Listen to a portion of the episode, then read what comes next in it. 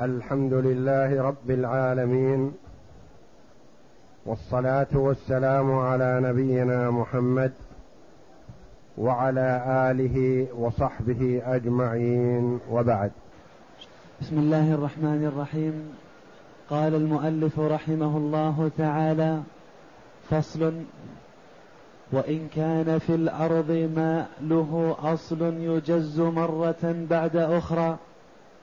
فالجزة الظاهرة عند البيع للبائع والأصول للمشتري سواء كان مما يبقى عاما كالهندباد أو أكثر كالرطبة لأن أصوله تركت للبقاء فهي كالشجرة فهي كالشجر. لا يزال المؤلف رحمه الله تعالى في الكلام على بيع الأصول. بيع الشجر أو النخل أو غيرها دون ثمرتها الحاضرة. فقال رحمه الله وإن كان في الأرض ما له أصل يجز مرة بعد أخرى. لأنه إذا باع النخل وعليه ثمر فإن كان مؤبر فالثمرة للبايع والأصول للمشتري. وإن كان لم يؤبر فالأصل والثمرة للمشتري. وهنا في هذا الفصل يقول إذا باع الأرض وفيها زرع يجز مرة بعد أخرى. أيا كان هذا الزرع. فالجزة الأولى للبايع. وما ينبت بعد ذلك يكون للمشتري. فالجزة الظاهرة عند البيع تلحق بثمر النخل المؤبر تكون للبايع لصاحب الأصل الذي كان له المال فباعه والأصول تبع الأرض للمشتري سواء كان مما يبقى عاما كالهندبا أو أكثر كالرطبة لأن أصوله تركت للبقاء فهي كالشجر. الهندبة والرطبة نبات من البقول شيء منها حولي.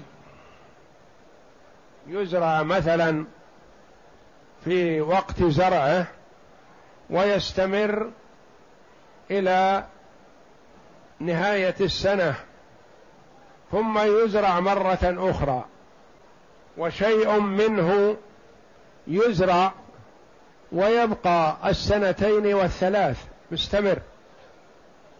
وقد تطول مدته كالبرسيم مثلا ونحوه. فهذا كله حكمه واحد. إذا باع الأرض فالجزة الأولى للبايع مثل ثمرة النخل المؤبرة. وما ينشأ بعد هذا يكون للمشتري. الهندبة والرطبة هي من الأوراق التي تؤكل منها ما يطبخ ويشرب مع المرق ومنها ما يؤكل طريا مثلا كالجرجير والخس ونحوها من النباتات المعروفة التي تؤكل ولا تبقى. هذه كلها الجزة الأولى التي بيعت الأرض وهي موجودة تكون للبايع. وما يحدث بعد ذلك يكون للمشتري. وما ظهر منه وجرت العادة بأخذه فهو كالثمرة المؤبرة. وما ظهر منها وجرت العادة بأخذه. ما ظهر من هذه الثمار فهو للبايع وعليه أن يبادر بأخذه. لأن النمى بعد هذا يكون من ملك المشتري فإذا تركه مدة أطول من المدة الكافية لأخذه عبارة كأنه نمى من مال من اشترى الأرض. فالمبادرة بأخذه حينئذ في الحال حسب الأصول. وكما تقدم ما كان يؤخذ مثلا خلال أسبوع لا يؤمر بأخذه خلال يوم أو يومين. وما كان يؤخذ خلال يوم أو يومين ما يجوز له أن يبقيه لمدة أسبوع أو أكثر. وعلى البائع قطعه في الحال لأنه لا حد له ينتهي إليه.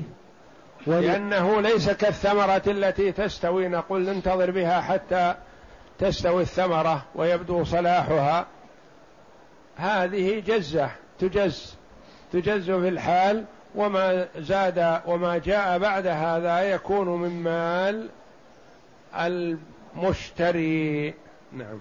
ولأنه يطول والزيادة للمشتري. فالزيادة التي يزود يزيدها هذا النبات هي من ملك المشتري. فعلى البايع المبادرة بأخذ ما يخصه. نعم. وما تتكرر ثمرته مع بقاء أصله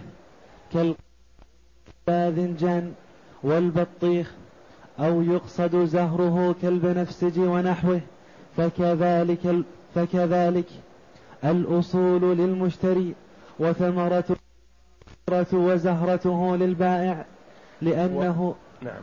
لأنه تؤخذ ثمرته مع بقاء أصله فهو كالبقول. كذلك ما فيه ثمرة غير الرطبة والأوراق مثلا ما فيه ثمرة تؤخذ ويبقى على الأصل. مثل لهذا بالقثة والباذنجان والبطيخ أنها تجنى ومثلها الطماط مثلا تجنى فيؤخذ الحاضر يكون من مال البايع. وما ينشأ بعد هذا يكون من مال المشتري.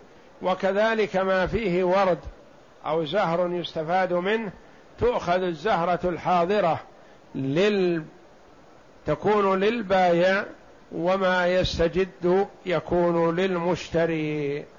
نعم. فصل. وإن كان في الأرض حجارة مدفونة أو ركاز لم يدخل في البيع لأنه ليس من أجزائها إنما هو مودع فيها للنقل عنها فهو كالقماش. فهو فهو كالقماش. وإن فإن كان وإذا باع الأرض وفيها حجارة أو فيها أشياء مدفونة خفية هذا لا يخلو.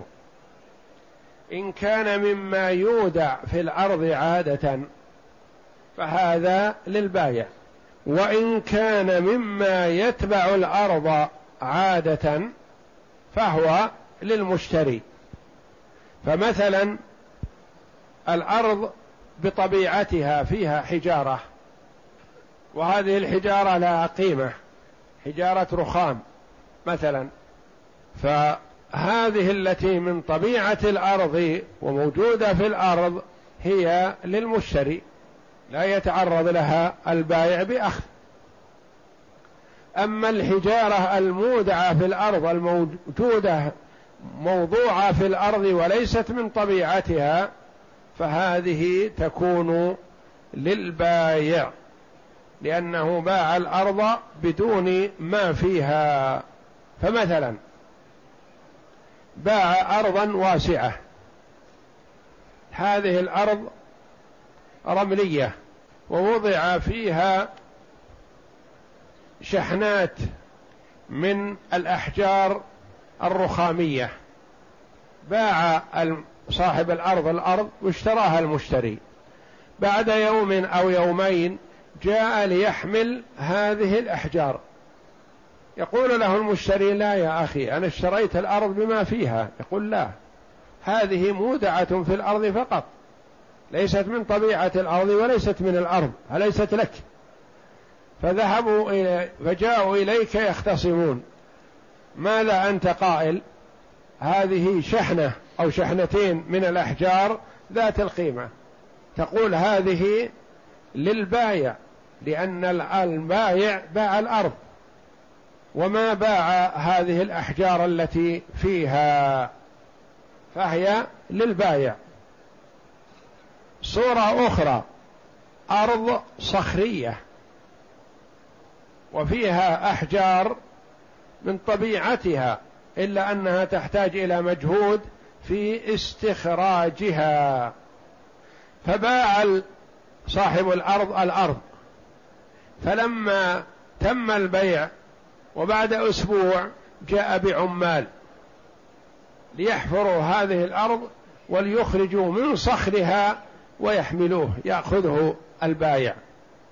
فجاءه المشتري فقال لا أنا اشتريت الأرض والأرض هذه طبيعتها.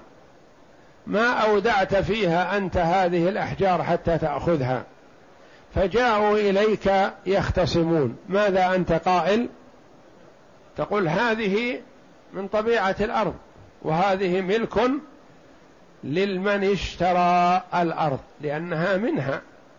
مثل ما لو تبين أن الأرض في صخرها الأسفل معدن ذهب أو فضة أو نحاس ذا قيمة فهي تبع المشتري وليست للبايع.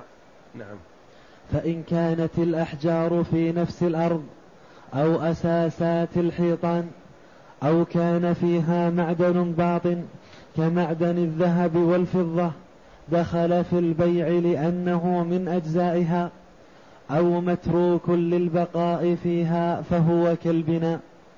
نعم إذا كانت هذه الأحجار موضوع عليها أساسات البناء مثلا أو هي من طبيعة الأرض مثل ما مثلنا أرض صخرية أو هي مبنية مبني فيها خزان. أو بركة. جاء لينقضها قال أنا بعت عليك الأرض والخزان ما بعت عليك وصخر الخزان ذا قيمة عندي فأنا آخذه. نقول لا. مثله لو كانت الأرض مسورة مثلا بسور.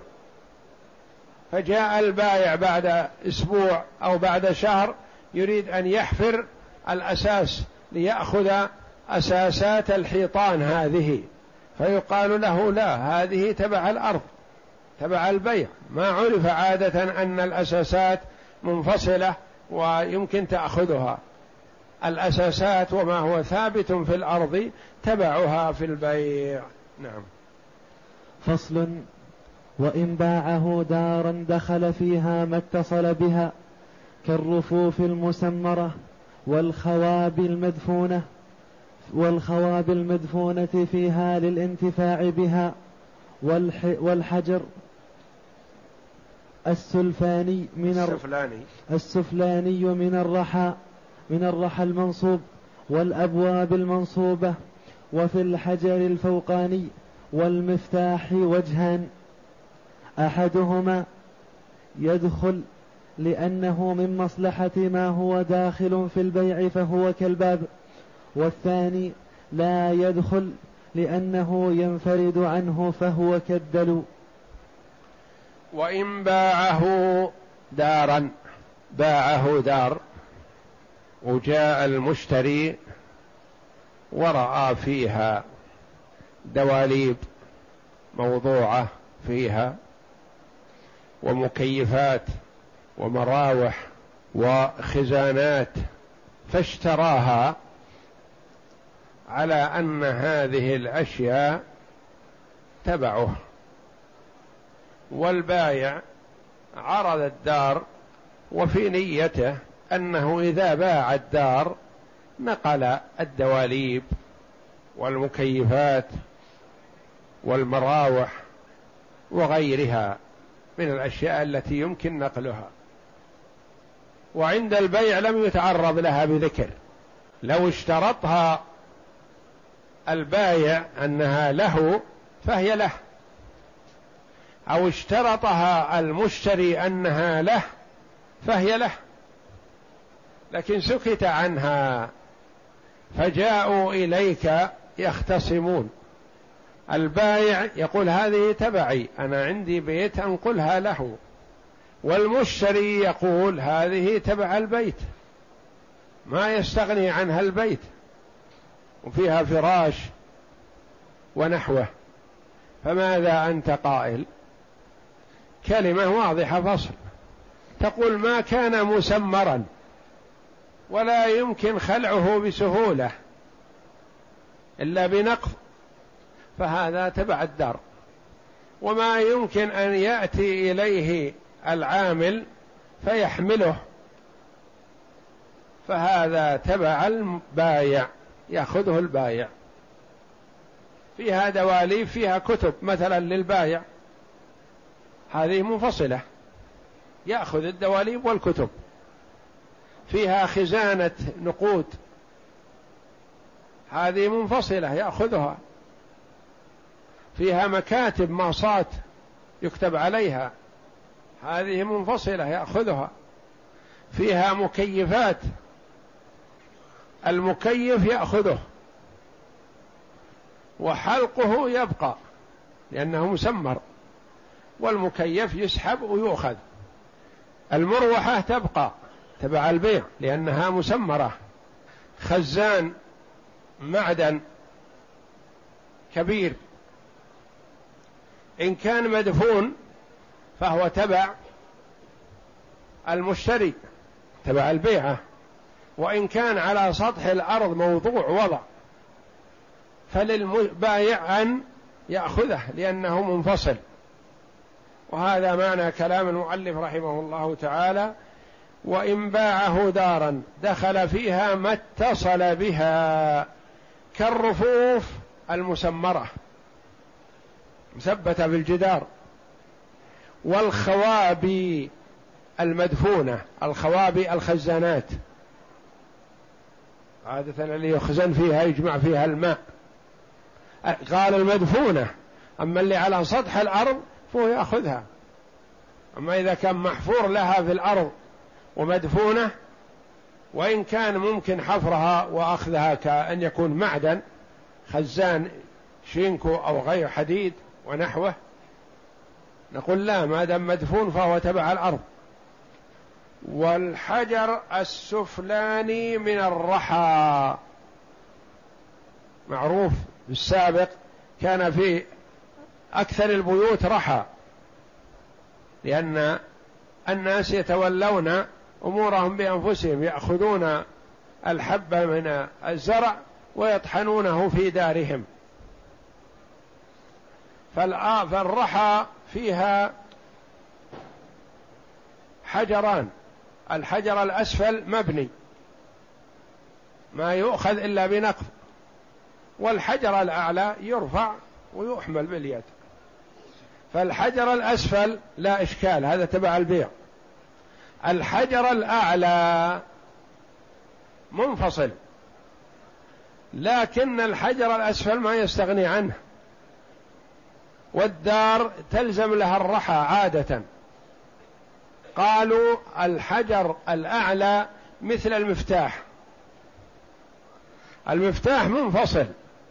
قد يقول البايع المفتاح لي لكن نقول إنه يلزم للدار. كيف إذا صكها وشلون يفتحها ما دام أنت عندك المفتاح؟ فالحجر الفوقاني والمفتاح فيها قولا قالوا إنها للبايع لأنها منفصلة. وقيل هي للمشتري لأنها منفصلة لكنها مستلزمات الدار. ما يستغنى عن الحجر الفوقاني للرحى وما يستغنى عن المفتاح. فقالوا من مستلزمات الدار فهي حينئذ تكون تبع الدار. وقيل إنها منفصلة لأنها توضع المفتاح يوضع بالجيب. والحجر الفوقاني في الرحى يحمله الإنسان يأخذه بيده ويخرج به. لكنه يتطلبها الحجر الأسفل فقالوا يبقى. والمفتاح يأخذه الإنسان في مخباته لكن يتطلبه الباب والباب مثبت. فقالوا هذا من مستلزمات الدار ففيه قولان. أما ما لم يكن من مستلزماتها قالوا مثل الدلو. والرشا الحبل والبكرة التي يمتح بها يزعب بها. هذه منفصلة. إلا إذا كانت البكرة مثلا مبنية أو مسمرة فهي تبع البيع. وإن كانت تؤخذ وتنقل من هذا إلى هذا وتؤخذ من هذا البئر إلى هذا البئر مثلا فهي حينئذ تابعة للبايع. يأخذها البايع لأنها منفصلة. وكل هذه الأمور في حالة عدم اشتراطها. أما إذا اشترطها أحدهما فهي لمن اشترطها منهما. نعم. وما هو منفصل عنها مما ليس من مصلحتها كالدلو والحبل. أما و... الأبواب فهي تبع البيع لأنها مسمرة وثابتة مبنية. حتى وإن كان خلعها يسير ترفع مثلا قليل ثم تفصل. فنقول لا هذه مستلزمات الدار لأن الدار ما تستغني بلا أبوابها. وإن كانت ممكن فصلها بسهولة. وما هو منفصل عنها مما ليس من مصلحتها كالدلو والحبل والبكرة والقفل لم يدخل في البيع. لأنه منفصل عنها غير مختص بمصلحتها أشبه الفرش التي فيها. وما هو منفصل عنها مما ليس من مصلحتها يعني الدار تستقم تستقيم وينتفع بها بدونه لأن في كثير من البيوت مثلا ما فيها بئر ولا فيها دلو ولا ولا رشا ولا بكرة. فالبيت يتم بدونها فحينئذ هذه منفصلة. إلا إذا اشترطها المشتري. كالدلو والحبل والبكرة والقفل. إذا كان مثلا الدكان أو باب البيت فيه قفل يقفل خارجي فإذا باعها أخذ المشتري القفل. أو باع الدكان أخذ القفل والمشتري يجيب قفل جديد يأخذه البايع. نعم. لم يدخل في البيع لأنه منفصل عنها غير مختص بمصلحتها. في شيء مختص بمصلحتها مثل الباب. وفي شيء غير مختص بمصلحتها. فمثلا الدلو يتم البيت وبدون دلو. لكن هل يصلح البيت بدون أبواب؟ أبواب مفتحة كلها واحد على الآخر ما في حواجز ما في أبواب؟ لا. اذا هو تلزم لها الأبواب وإن كان يمكن فصلها. وإن باعه قرية لم تدخل مزارعها في البيع إلا بذكرها لأن القرية اسم للأبنية دون المزارع. مثلا جماعة إخوة شركاء شركة بنوا قرية كاملة وأوجدوا حولها مزارع. كثيرة. فعرضوا القرية للبيع. فجاء من نظر إليها ونظر إلى مزارعها التي فيها خارج وسامها واشتراها بمبلغ. فلما تم البيع عرض البائعون المزارع للبيع. فقال لهم مشتري القرية أنا اشتريتها بمزارعها. قالوا لا نحن بعنا عليك قرية. ما بعنا عليك مزارع ولا أرياف ولا ضواحي وإنما بعنا عليك قرية. والقرية معروفة البيوت بمساجدها بمدارسها بما آه، يتم السكن فيها. فاختلفوا فجاءوا إليك ليختصموا. فماذا أنت قائل؟ هل البيع يشمل البساتين التي حول القرية أم لا؟ بل لا يشمل لأنه ما دام البيع على القرية والذكر على قرية فالقرية المراد بها المساكن دون البساتين فالبساتين لا تدخل في مسمى القرية. وإذا باعه القرية ببساتينها وذكرت في البيع أو اشترطها المشتري صح. لكن إذا كان العرض للقرية فقط واشتراها المرء على أنها القرية فقط وما قيل له فيها بساتين وهو يتوقع أن البساتين تبع فليس كذلك بل هي مستقلة عنها. باب بيع الثمار. باب بيع الثمار. تقدم في الباب الذي قبله بيع الأصول. وبعض الفقهاء رحمهم الله يقول باب بيع الأصول والثمار. يجعلها في باب واحد.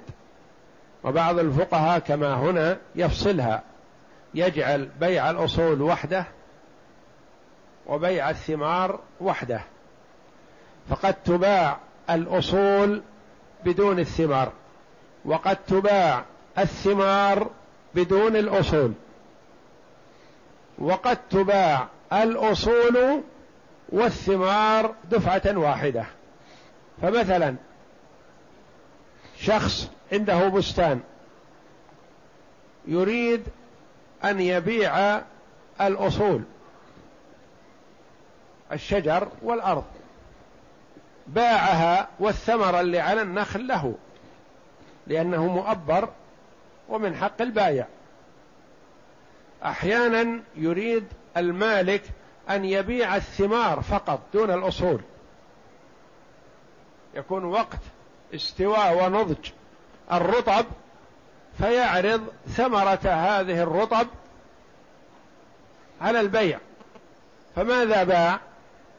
باع الثمار. ما باع الأصول النخل نخله.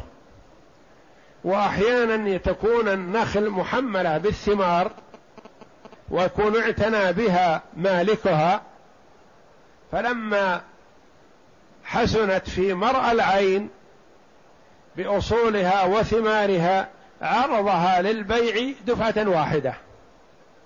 يصح هذا. انتظر حتى تحسنت في مرأى العين فعرضها للبيع جميع.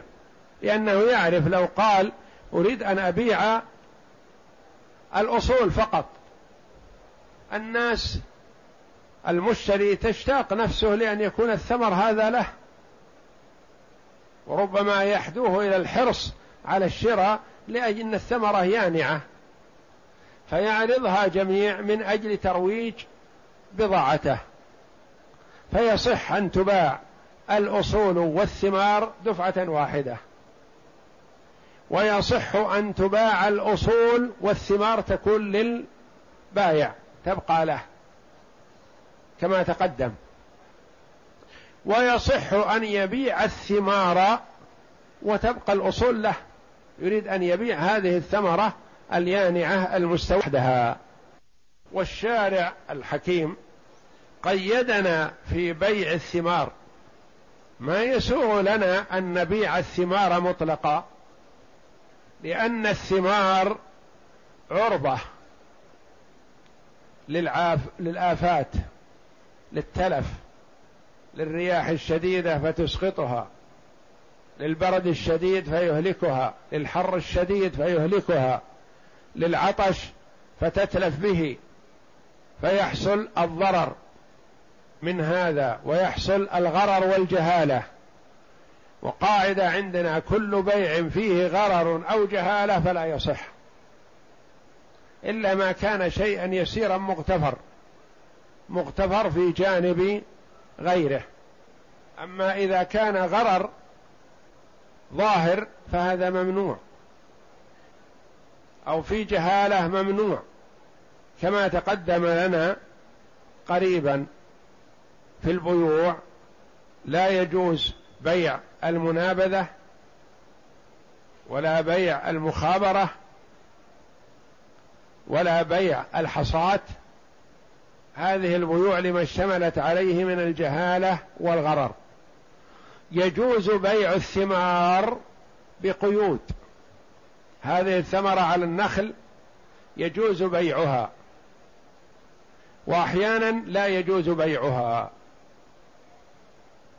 إذا كان ثمر النخل مثلا بسر أخضر ما بدا فيه الصلاح. هل يجوز بيعه؟ أم لا يجوز بيعه؟ نقول ما يصح أن نقول يجوز بيعه ولا يصح أن نقول لا يجوز بيعه بل نقول فيه تفصيل. فإن بيع بشرط البقاء فلا يصح. وإن بيع ولم يشترط البقاء وتركه وبقي فلا يصح. وإن بيع بشرط القطع في الحال فقطعه صح. متى يصح بيعه بدون هذا الشرط؟ إذا بدا فيه الصلاح. وهذا ما سيبينه المؤلف رحمه الله تعالى. نعم. لا يجوز بيع الثمر والزرع قبل بدو الصلاح من غير شرط القطع.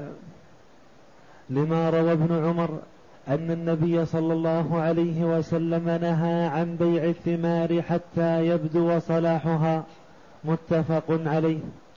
وفي لفظ نهى عن بيع الثمار حتى تزهو وعن بيع السنبل حتى يبيض. ويأمن العاهة رواه مسلم. ولأن في بيعه غرر ولأن في بيعه غررا من غير حاجة فلم يجز كما لو شرط التبقية. فإن باعها بشرط القطع جاز لأنه يأخذها قبل تلفها فيؤمن الغرر. لا يجوز بيع الثمر والزرع قبل بدو صلاحه. الثمر يكون مثلا في النخل والعنب والتين. والزرع يكون في زراعة الحب البر والشعير والذرة والدخن وغيرها من الحبوب. إذا اشترى ثمرا أو زرعا بشرط القطع في الحال جاز بلا قيد ولا شرط لأنه مأمون الضرر والرجل ينظر في فروع النخل ما يريد شراءه ينظر إلى الزرع يراه ويقطعه. نقول يجوز. لأنه اشترى ما اطلع عليه. يقول عندي دواب فبعرفها هالبسر هذا الأخضر؟ فباعوا عليه. باع عليه الثمر اللي في رؤوس النخل وهو أخضر. ما بدا صلاحه. قد يأتي آت فيقول لا نهى النبي عليه الصلاة والسلام عن بيع الثمر حتى يبدو صلاحه. نقول هذا النهي إذا كان المراد به البقاء. أما إذا كان بيشتريها الآن ويقطعه في الحال فهذا لا نهي فيه لأنه لا ضرر ولا جهالة. يقول أنا عندي غنم بشتري لها ها النخل هذا الثمرة التي على النخل واقطعها في الحال. عندي غنم أبشتري لها الزرع هذا وأحصده. ما أنا منتظر حتى يستوي السنبل. نقول هذا لا بأس به. ما دام بشرط القطع لا بأس. أما بدون شرط القاطع يعني على أنه يبقيه ما يجوز. يكون المرء مثلا عنده بستان ثمره بادي لكن ما استوى ولا بدا فيه الصلاح أخضر. البسر أخضر كله. فعرضه للبيع. فجاء آخر يريد أن يشتريه ويبقيه في نخله حتى يثمر. نقول هذا ممنوع. لما؟ أنا راغب في البيع صاحب البستان مثلا والمشتري راغب في الشراء. نقول وإن كان ذلك حتى ولو تراضيتما على الربا فهو ممنوع. تراضيتما على البيع الحرام فهو ممنوع. تراضيتم على الزنا فهو ممنوع. الشيء الممنوع ممنوع شرعا. ما ينظر فيه الرضا. ما المحذور في هذا؟ نعم يقول سمعنا وأطعنا. ما دام ممنوع نمتنع. لكن ما هو المحذور في هذا؟ نقول نعم في محاذير. ما دام البسر أخضر فمحتمل يأتيه عاصف. يأتيه برد شديد يقضي عليه. يأتيه حر شديد يقضي عليه. محتمل ينقطع الماء من من البئر فيهلك يتلف الثمر. ممكن يكون الآن مثلا في مرأى العين لا قيمة له فإذا به يتلافى ويتم سالما فيكون قيمته باهظة.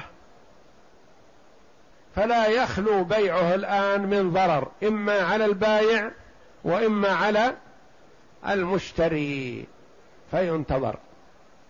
إذا بدأ صلاحه ظهر فيه الصلاح حينئذ ساغ البيع والشراء لأنه عرف وأمنت فيه العاهة بإذن الله. كذلك الزرع. يقول مثلا هذا بدأ السنبل لكنه غض. الثمرة في السنبلة ماء. إلى الآن ما جمدت وما بيضت. فأراد صاحب الزرع أن يبيعه. نقول لا ممنوع. لأنه محتمل يتلف.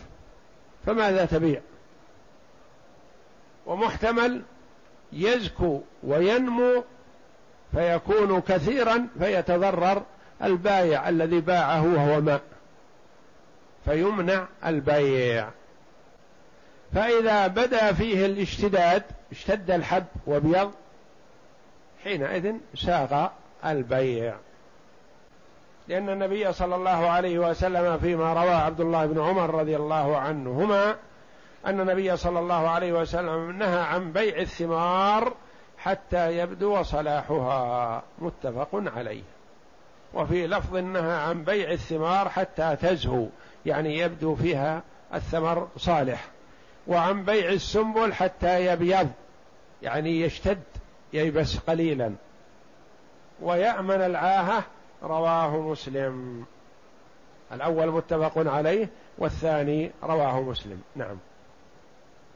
ولأن في بيعه غررا من, من غير حاجة فلم يجز كما لو شرط التبقية فإن باعها بشرط القطع جاز لأنه يأخذها قبل تلفها فيؤمن الغرر إذا باعها بشرط القطع في الحال فلا بأس بهذا لأنه عبارة اشترى علف اشترى شيئا يشاهده والبايع باع شيئا يشاهده. وربما يكون لهما لكل واحد منهما مصلحة في البيع ولا ضرر على الآخر. البايع نضب الماء عنده قل الماء وضعف أو يريد أن يترك. البستان هذا كله. قال أستفيد من الثمرة هذه الموجودة. والمشتري اشترى شيء حاضر يشاهده ما عليه خطر لأنه يريد أن يقطعه ويعلفه لدوابه. نعم. وإن باعها لمالك الأصل ففيه وجهان. أحدهما يصح لأنها تحصل لمالك الأصل فجاز كما لو باعهما معا. والثاني لا يصح لأنه أفردها بالعقد أشبه ما لو باعها لغيره وإنما يصح إذا باعهما لأنها تدخل تبعا كالحمل مع أمه. وإن باعها لمالك الأصل الرجل له البستان وفيه ثمر في النخل مؤبر. فباعه الشجر وحده النخل. والثمرة لمن؟ للبايع. بدأ البائع يتردد عليه بالسقي وأتعبه. فأراد أن يبيعه قبل بدو صلاحه. لو باعه على شخص أجنبي فلا يصح. هذا مطلقا كما تقدم. باعه على مالك الشجر. قال يا أخي أنا تعبت من سقي هذا النخل والتردد عليه والثمرة قليلة فأنا أريد أبيعها عليك مع كما بعت عليك النخل. فهل يصح أو لا يصح؟ فيه وجهان. قال بعضهم يصح. لما؟ قال لأنها تبع للأصل. الأصل باعه من قبل والآن يبيع الثمرة فهو كأنه باع الأصل والثمرة جميع.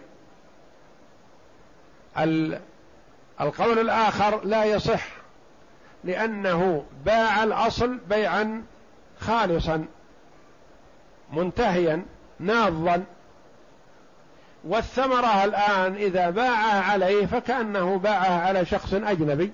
فوقع في النهي من النبي صلى الله عليه وسلم عن بيع الثمر حتى يبدو صلاحه. ففيه قولان وأما إذا باعهما معا جميع دفعة واحدة فلا إشكال في هذا فهذا صحيح. لأنها تدخل تبعا كالحمل مع أمه. لو أن الرجل مثلا باع بقرة حامل باعها بما فيها حملها. ألا يصح هذا؟ يصح. قد يقول قائل فيها حمل مجهول ما يدرى أهو ذكر أم أنثى واحد أو اثنين حي أو ميت بعت شيء مجهول. نقول مثل ما قلنا قبل قليل نقول يغتفر في الجهالة اليسيرة التابعة. هذه الحامل بعناها بحملها حسب ما يطلع ولدها. وهذا وإن كان مجهول إلا أنه يتساهل فيها تبعا ما لا يتساهل استقلالا لأنه لو أراد أن يبيع الحمل هذا استقلال وحده هل يصح؟ لا. ما يصح أن يبيع الحمل الذي في البقرة أو في الشاة أو في الناقة ما يصح أن يبيعه وحده. لكن باع الناقة أو البقرة أو الشاة بما فيها الحمل وهو مجهول فيصح لأنه يصح في التبع ما لا يصح في الاستقلال لأنها تدخل تبعا يعني تبعا كالحمل مع أمه. والله أعلم وصلى الله وسلم وبارك على عبده ورسول نبينا محمد وعلى آله وصحبه أجمعين.